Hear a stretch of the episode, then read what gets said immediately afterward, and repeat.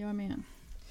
Ljudtestar, ljudtestar inför avsnitt nummer, Fem. nummer fem. Tur att Hanna har koll. Mm. Välkommen till Spöksökarna med mig. Hanna Panna, Hanna Banana. Och mig, Sandra.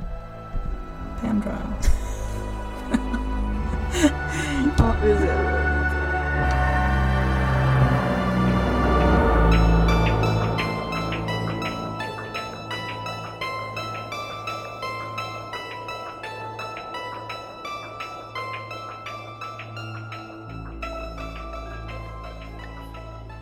Hej och välkommen till Spöksökarna med mig Sandra. Och mig, Hanna. Det var länge sedan. Det var det. Det har varit mycket emellan. Ja, vi har haft mycket. Det har varit sjukdomar, det har varit jul, det har varit nyår.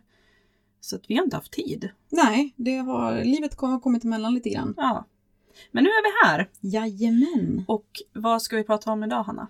Vi ska prata om Djura och Helgsta-kvarn, bland annat. Mm, det är våran lilla spökjakt vi har varit ute på. Exakt. Och det var läskigt. Det var det. Mm. Det var jätteläskigt var det. Mm.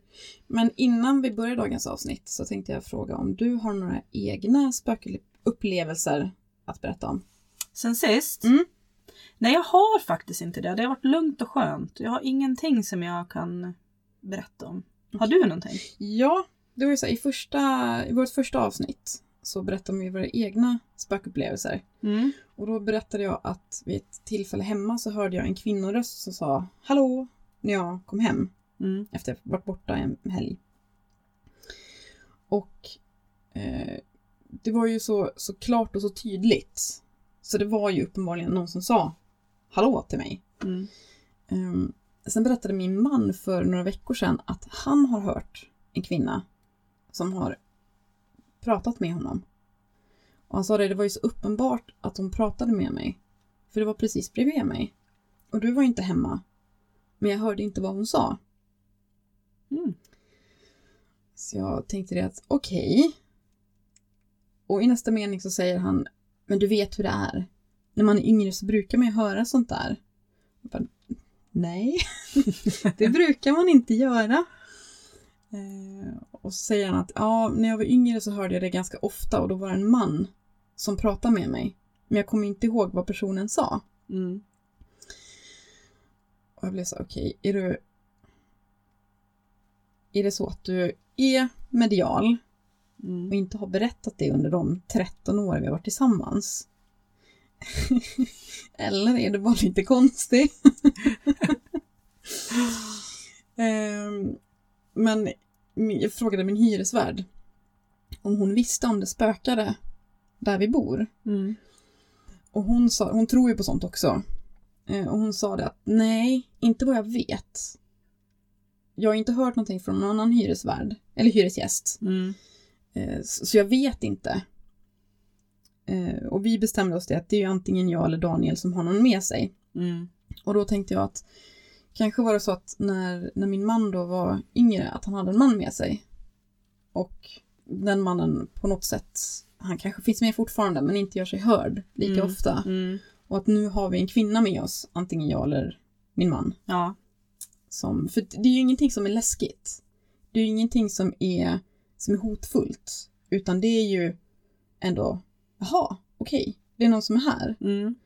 Och för mig har ju liksom alltid så här, tanken på spökupplevelser har alltid varit så läskig Mm. Ja, gud. Och, och, skrämmande. Men det här är inte det.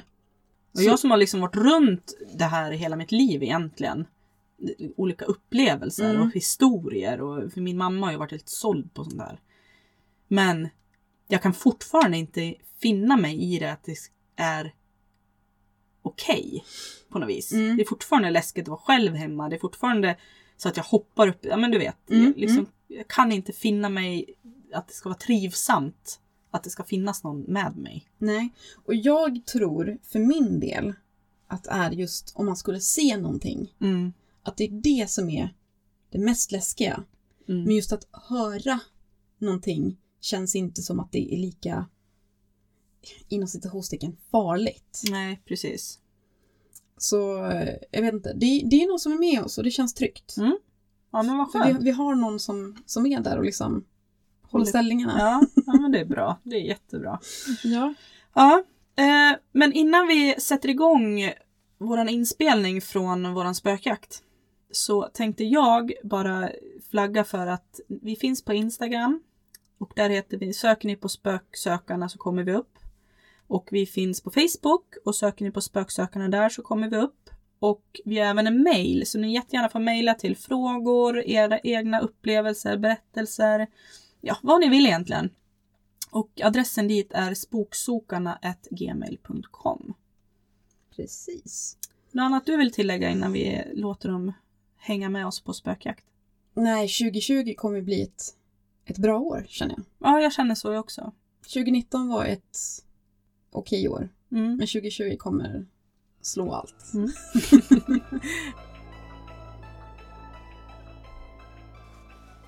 Ja, informationen om den här spökjakten, eller informationen om bygden där vi är, kommer från boken Djura och Skebergsbygden som är upptecknad och samlad av Gustav Dalmalm. Och viss info till det här kommer från en av mina kollegor, Martin. Så shout-out till Martin. Och vi åkte till Djura och Djura är en by i Leksands kommun nära Gagnef och vi har bland annat besökt Helgsta kvarn där det sägs spöka och vi ska även eh, vi åkte även till Brandåkrarna där det finns en väg där det sätts lite spökerier. Och det går en å genom Djura som heter Djurån och efter den har det funnits en hel del kvarnar. Vissa av de här kvarnarna står idag kvar och det är då Hällsta kvarn där vi har varit då som det finns en hel del historier kring. Och han som uppförde kvarnen och gården som hör till är Carl Johan Helgsten och det är 1889 som den byggdes. Och vid kvarnen finns Djurebrobacken där det har setts en hel del spökerier. När kvarnen var i bruk så fraktades material till och från kvarnen med häst och vagn. Och vid det här stället, vid Djurbrobacken, så har det oftast varit så att seldonen på vagnar och kälkar gick ofta sönder. Ibland så trasslade tömmarna till sig så mycket att det innebar en livsfara för både djur och körkarlar. Man tvättar ofta kläder i ån också och ibland försvann det småbarnskläder på ett nästan mystiskt sätt. Och det här tycker jag låter lite grann som, som slarv. Att man tappade bort dem, men man ville liksom inte riktigt erkänna det. Och istället sa man att det försvann på ett mystiskt sätt för att inte få skit för att man tappade bort kläder. Och det brukar jag lite grann på också hur många som, hur många som råkade ut för det här. Eh, säg att det var tre, fyra stycken så kanske det bara var bull, men var det liksom 10-15 pers så, så kanske det var lite, fanns lite sanning bakom det, att det var lite mystiskt. Det sägs att platsen en gång i tiden var en gammal galgbacke, men det finns det inga belägg för. Åkern som ligger intill kallas för Botlindorna och namnet sägs att det har något med bot och bättring att göra. Flera personer säger också att de har hört yppingen. Och det är då ett barn som man hör skrika eller gråta. Det sägs att det barnet man hör är ett barn som blivit mördat och kastat i ån. Och enligt sägnen så var det då två vallkullor som låg i samma säng i ett fäbodställe. Under natten så var det en av dem som inte kunde sova och då frågade den andra kullan varför hon inte kunde sova. Och hon svarade då med Hör du inte hur han gråter? Men den andra hörde ingenting. Och då förstod hon att det var yppingen vännen hade hört och att det var hon som var den skyldiga till mordet. Det finns en berättelse också att en ung man sägs ha träffat Rondan vid Djur, Djurbrobacken och Rondan är då eh, enligt svensk folktro ett skogsrå. Hon var fint klädd och den här unga mannen som var lite grann av en spjuver frågade henne om hon ville dansa. Hon svarade att det ville hon om han spelade. Men när han började spela så dök det ur tomma intet upp flera vilt främmande kvinnor som började dansa. Och den här unga mannen tyckte detta var så otäckt och obehagligt så han sprang hem så fort han bara kunde och berättade det här för, för alla han träffade. År 1908 så var det en kvinna från Djura som kastade eld i Kvarndammen. Och berättelsen till varför hon gjorde det här var att hon hade en liten son som var runt ett år gammal och som grät oavbrutet. Kvinnan hade kontaktat en klok gumma för att få hjälp med sin gråtande son. Gumman frågade kvinnan om hon hade tvättat barnets kläder i vattnet vid dammen och om hon hade tappat något av plaggen. Hon hade tvättat kläder men hon mindes inte om hon hade tappat något av det. Och gumman sa det, om det tappade plagget inte hittades så skulle kvinnan kasta ut eld där på platsen där plagget försvunnit. Och då skulle pojken sluta gråta. Hela den här ritualen skulle göras under absolut tystnad. Och kvinnan begav sig mot platsen under natten och på vägen dit så möter hon en man som hälsar på henne. Men den här mannen fick inget svar på sin hälsning. Och på grund av detta så började han skugga henne för att se vad kvinnan hade för sig. Och då såg han då henne kasta ut eld i vattnet. Om sonen då Axel hade slutat gråta efter att ritualen var genomförd förtäljer inte historien, men det sägs att han hördes inte gråta mer än andra barn. Sen finns det en berättelse om två personer från Hedby var på väg hem efter ett möte i Djurbyn. Detta utspelar sig på slutet av 1800-talet. Och det sägs att de såg ett underligt ljussken som rörde sig från Djurbrobacken mot Kanngårdarna. Kanngårdarna är en gård som ligger lite längre bort från kvarnen där det också sägs att det spökar. Och det ljusskenet de såg såg ut som ett tågsätt med upplysta vagnar. Eh, och på platsen det här såg fanns inte vid det här tillfället någon väg eller järnväg. En del av de som hörde talas om det här såg det som ett förebud om att järnvägen skulle dras där. Andra kopplade ihop händelsen med ett dödsfall som inträffade samtidigt i Kanngårdarna. Det har aldrig dragits någon järnväg där det här sågs, men landsvägen mellan Djura och Hedby går fram just det här, det här ljusfenomenet sågs. Och sen finns det en berättelse om brända eller brändåkrarna som jag har hört av kollegan Martin. Och han berättade att han hade hört om några som hade kört på vägen som finns över brändåkrarna och att de hade sett en gammal kvinna som gått efter vägen. De hade stannat och frågat henne om hon ville ha skjuts. Kvinnan sätter sig i baksätet och när den som kör vänder sig om för att fråga kvinnan vart hon skulle så är det ingen som sitter i baksätet. Och min kollega då hade cyklat över de här åkrarna vid ett tillfälle och hade skrikit något i stil med om det finns något här, ge mig ett tecken! Och han hade skrikit det här flera gånger. Och när han har skrikit Ge mig ett tecken ett antal gånger så plingar det till i hans ringklocka på cykeln. Och när han berättade här så sa han att det finns säkert en naturlig förklaring. Det var säkert ett gupp i vägen som gjorde att det plingade till i ringklockan. Men han vill ändå tro att det var något som visade sig för honom. Och det är ju också sådär att, ja men det är klart.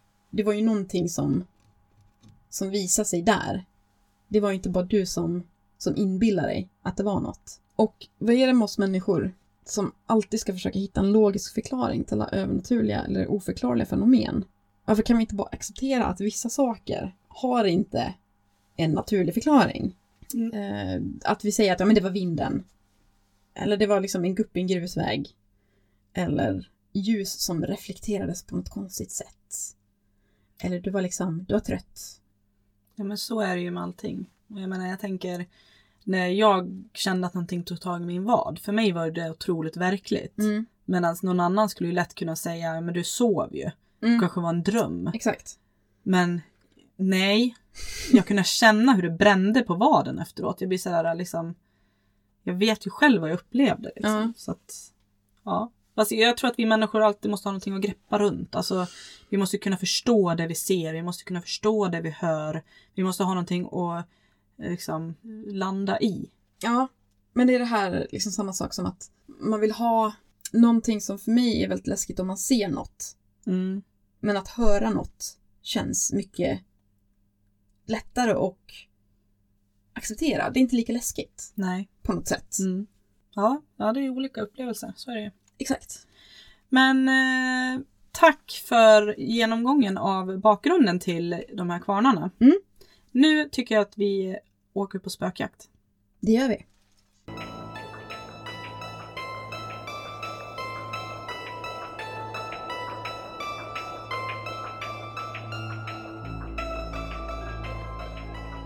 Och nu står vi här utanför kvarnen då. Och när man har, alltså, det är ett gammalt timrat hus liksom. Typiskt Dalarna. Och står man med pannlampa och lyser in så ser det ju fruktansvärt läskigt ut. För det är fönster utan glas i sig. Och när man kollar in så ser det liksom riktigt slitet ut. Och det är liksom... Det känns bara som... Alltså det är ju riktigt läskigt Ja, när det är... Alltså, när man står här så känns det som att det har liksom en historia att berätta och det är så här gamla fönster, man väntar på att någon ska glo ut genom fönstret på en. precis. Och eh, det står att man, att man eh, kan gå in, men det är på... Tillträde sker på egen risk. För det är lösa takpannor som kan trilla ner. Men jag tror ju mer att det är någonting som griper sig fast igen. Att det är det, som, som är det som menas. Han man ska kontakta här, Ja. han eh, är ju säkert någon sån här eh, spökutdrivare eller någonting som man måste ha med sig som skydd. Ja men precis, precis. Eh, ska vi gå lite grann här mot eh, forsen och Ja. kika också? Ett gammalt vagnshjul som står här också.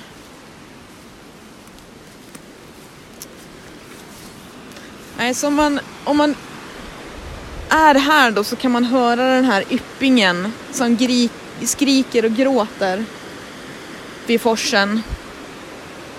Och jag kan tänka mig att det här var, när man ser de här gamla bilderna som, som finns här på hur kvarnen och smedjan är också då såg ut från början så ser det ju ut att det var säkert en blomstrande aktivitet här på 1880-talet.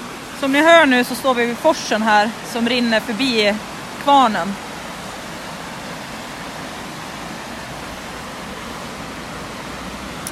Ja, och alltså det ser, ju, det ser ju farligt ut om man skulle försöka gå in här också.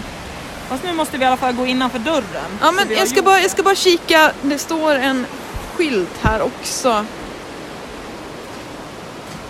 Ja, det står samma sak. Ja. Då, då går vi in. Och det här slöslaskiga vädret är ju det bästa också för sånt här. Ja. Det, det ger ju en, en känsla av förskräcklighet och där hörde man tåget också. Hur är det? Är det spöktåget? Ja. Så. Och Jag så sätta fast den här igen här. Ja men gör det, vi får inte tappa bort saken. Och så öppnar vi. Och så... Den där. Oh, det här såg ju inte... Du får gå in först. Vad är det där för ställning? Den där? Ja, är det någon Det- sån där? Du vet inte vad det här är. Ja men ja! Jag är så jävla rädd. Håll mig i handen. Kära vän. Du måste vänta dig, jag måste ha din ficklampa. Du måste, okej, ja, jag har pannlampa, du har ficklampa. Och det här stället, alltså tänk dig, tänk dig då ett gammalt trähus med gammalt bråte, gamla tyger som hänger här och där. och det- det är som att- Det är ett lager av damm som ligger över hela stället. Och det känns som att, det känns nästan som att man är lite bevakad. Får inte du den känslan? Ja, jag känner en tryckande känsla på mig. Alltså det, är- liksom så här, det känns tryckande på något Mm. sätt. Som jag inte kan eh, riktigt förklara. Nej, och jag tycker att det här är en obehaglig känsla här inne. Det är inte bara för att jag är eh, rädd av mig om, om naturen så att säga. Åh, herregud. Stäng inga dörrar! Jag sk- Okej, jag ska låta den... Nej. Nej, jag låter den stå, stå öppen. Tänk om den, tänk om den smäller igen nu. Ja, då bajsar jag på Ja, mig, då jag säga. bajsar jag på mig, jag med. Och här är då en trapp upp till andra våning och det såg inte alls så jävla nice ut. Ja. Skulle du vilja sova över här Sandra? Jag hade ju hellre dött. Ja. Vad är det där skåpet Hanna? Ska vi titta vad det är i det skåpet? Eh, jag tror inte att det är något läskigt i det skåpet. Nej, men jag var nyfiken. Ett träskåp här, vi öppnade det och där stod det Öppningar. ledningar, ja. Det har väl varit el här någon gång, kan jag tänka mig. känner ju rent spontant att vi måste ju liksom utmana oss själva och gå upp för den här trappen. Okej, Och så inte fått någon, få någonting i huvudet nu bara. nej. Ja, det är du som är den modiga av oss. Det är, det är, jag tycker det är så fantastiskt att i vissa sammanhang att jag ser så modig, för det är just det jag inte är. Okej, en gammal trätrapp. Eh, och nu är vi då inne i ett kvarnrum. Ja, det så Nej, men här är då, här ser man då den gamla kvarnstenen. Antar jag att det är. Och eh, även någon slags, ja, jag vet ju inte vad saker och ting kallas i en kvarn. Alltså det är ju gammalt. Ja, det är det. Det där rummet då? Du, ja, du ser att det är en dörr där. Ja. Ska vi gå in och kika där eller? Ja, Okej, då får jag gå först då. jajamän. Så jag blir uppäten först. Ja. Vad är det för kammare? Eh, Termenius imperator. Var det det du menar eller? Ja, jag vet inte sjutton vad det är. Är det här massor med så här tortyr... eh, Ja, vi står vi här vid en vägg med massa, det är väl massa verktyg. Alltså kedjor och eh, massa annat bös som jag inte vet vad det är. Och det här rummet, och fy sjutton. Eh, vi går in i ett rum här där det är gamla huggkubbar. Två stycken. Ehm. du hörde något nu va? Ja, Det lät som att det var något där nere. ja. Ja.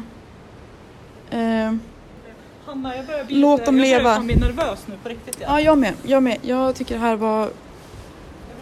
bara spricker. Ja, ja. Men jag vill, jag vill kräkas typ. Det är den känslan jag har just nu. Eh, för nu är vi rädda på riktigt alltså. För det här är en väldigt obehaglig stämning här. Alltså vi hörde någonting som bankade här nere. Jag vet inte om det hördes på, nu går jag ut igen. Jag vet inte om det hördes på inspelningen här men det, alltså, det lät som att det var någon som inte var jättenöjd att vi var här. Och jag är helt darrig i hela kroppen nu. Fy sjutton. Ska vi gå ner och här lite Hanna? Det skulle vi kunna göra. Ja.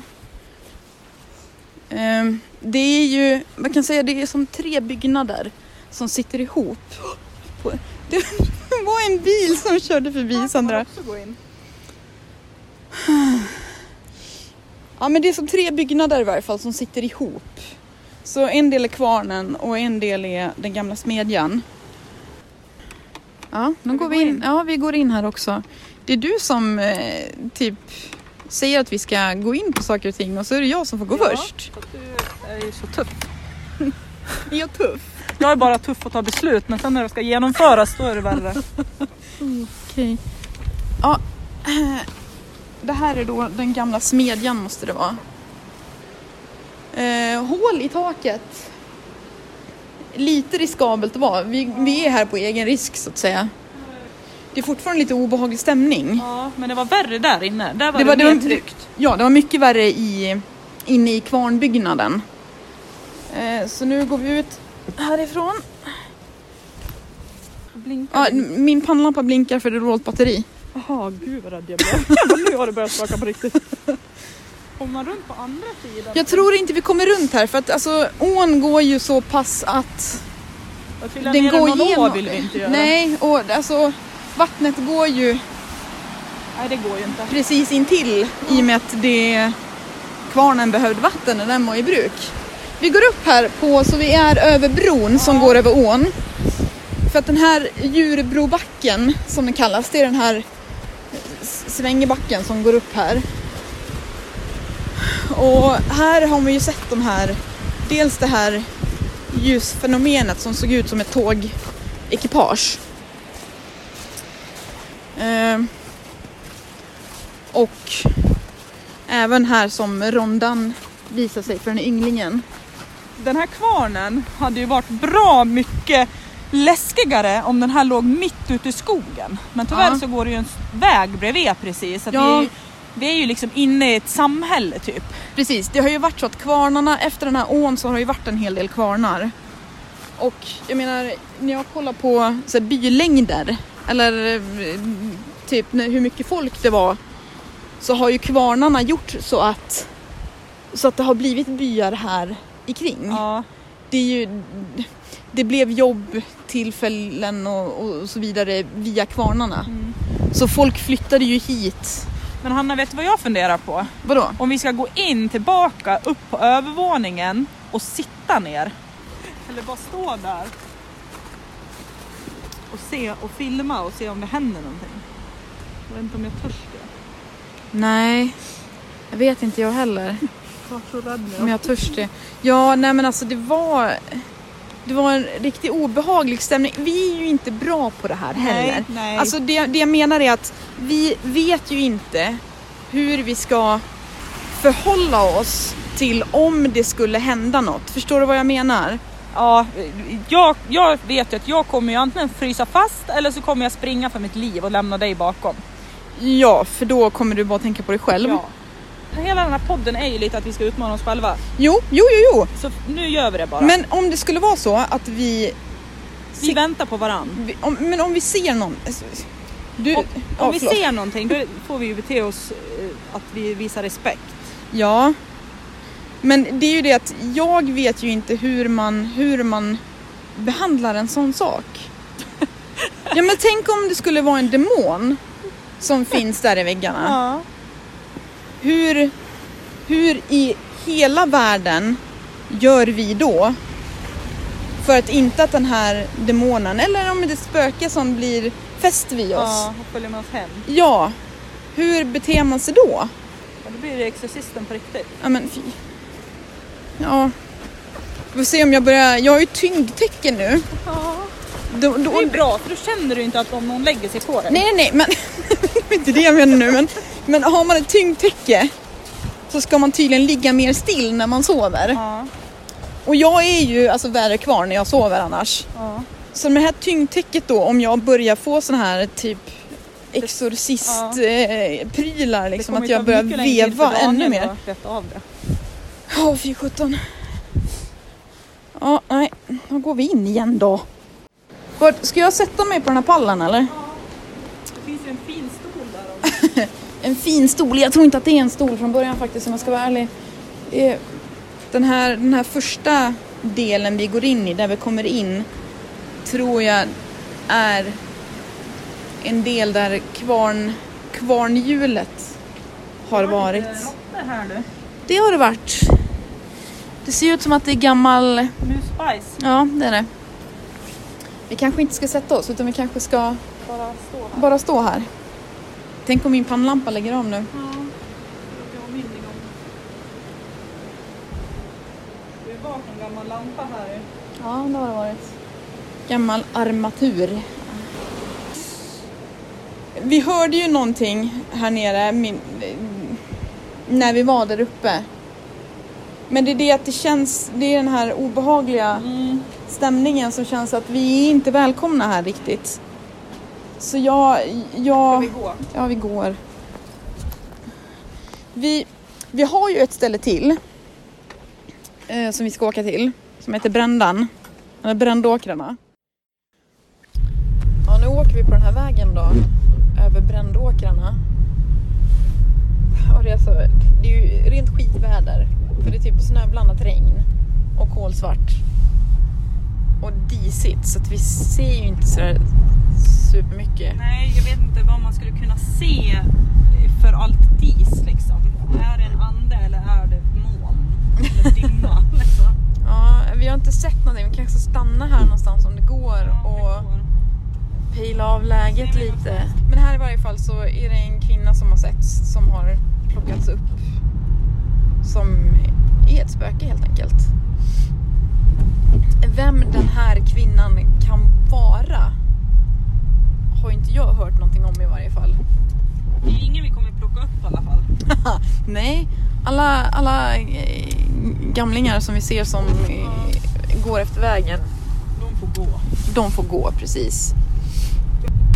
Om det är något här, visa dig. Ge oss ett tecken. Nu! Nu! Kom fram, kom fram! befallningar på det sättet faktiskt om jag ska vara ärlig. Kanske för att de ska jäklas. Så här, nu ska de få se.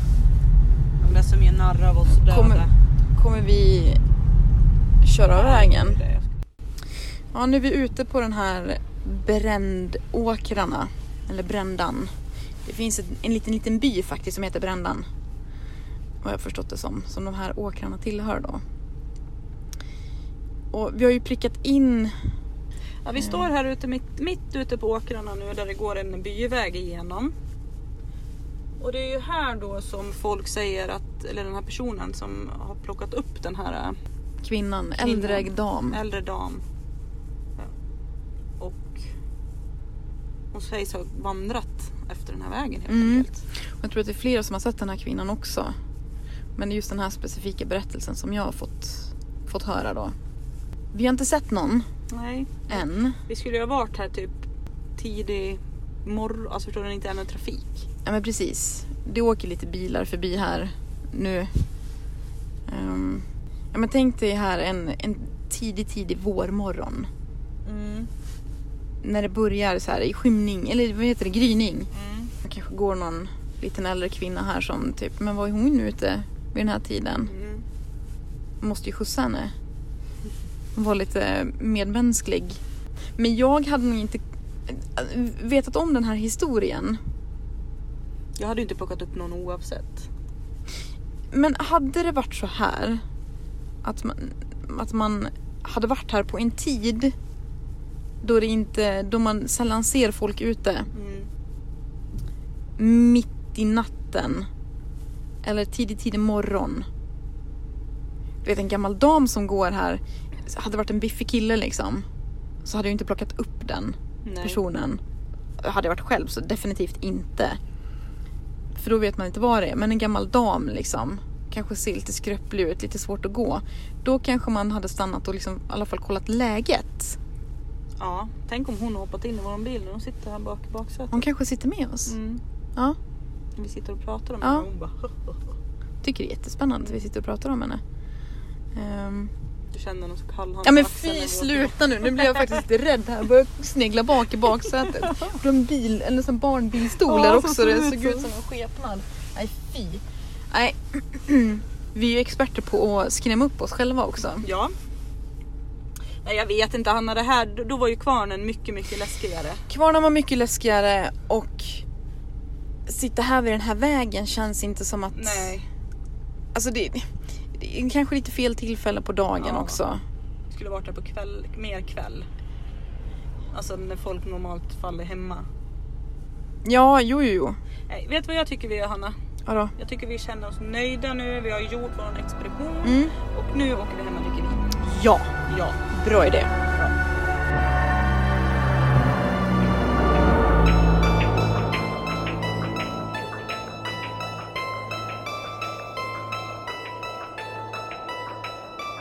Ja, det var en upplevelse Hanna. Det var det verkligen. Jag var livrädd. Jag med. Vi upplevde inte så jättemycket, men Nej, det var känslan av att det var otroligt tungt där inne. det var obehagligt och det kändes inte så välkomnande. Nej, verkligen inte. Och, och det fanns ju en våning till. Där vi Mm. inte gick upp. Men den Mm. trappen såg ut som att den skulle falla ihop i vilken sekund som helst. Ja, så det var nog bra att vi inte gick upp där. Precis. Mm. Mm. Men ja, det var en bra spökjakt. Alltså det, det, det var kul, det var spännande. Jag ser fram emot nästa spökjakt. Jag med. Och vi har lite på lut. Det har vi. Mm. Bland annat så har vi pratat om eh, fängelset i Falun. Ja, att vi ska spendera en natt där. För där är det numera ett vandrarhem och Mm. inte fängelse längre. Nej, vi ska inte begå något brottsligt och hamna i fängelse. Och du har ju även haft kontakt med en person som Ja, min systers mans morbror, han äger en stuga och i den familjen är det ingen som någonsin har sovit över den där stugan. För att det spökar så otroligt mycket. Så de törs helt enkelt inte. Vad jag förstod av historien. Ja. Det är några som har försökt övernatta Ja. där men att de inte klarar av det för Ja. att det spökar så mycket. Mm. Och jag hörde lite historier om det här mm, för några veckor sedan och jag tyckte det lät så jäkla läskigt. Mm. Och där ska vi sova över. Och vet du vad jag tänkte med det där? Vadå? Jag tänkte att vi skulle kunna få till en intervju med Erik, som han heter, han som äger stugan. Ja! Så han kan berätta lite bakgrundsfakta Mm. om vad de upplevt. Det vore jättespännande. Mm. Så häng på oss så kommer det dyka upp lite smått och gott framöver. Precis. Yes! Tack så jättemycket för att ni lyssnade. Tack så mycket. Ha det bra. Ha det bra! Hej! Hej!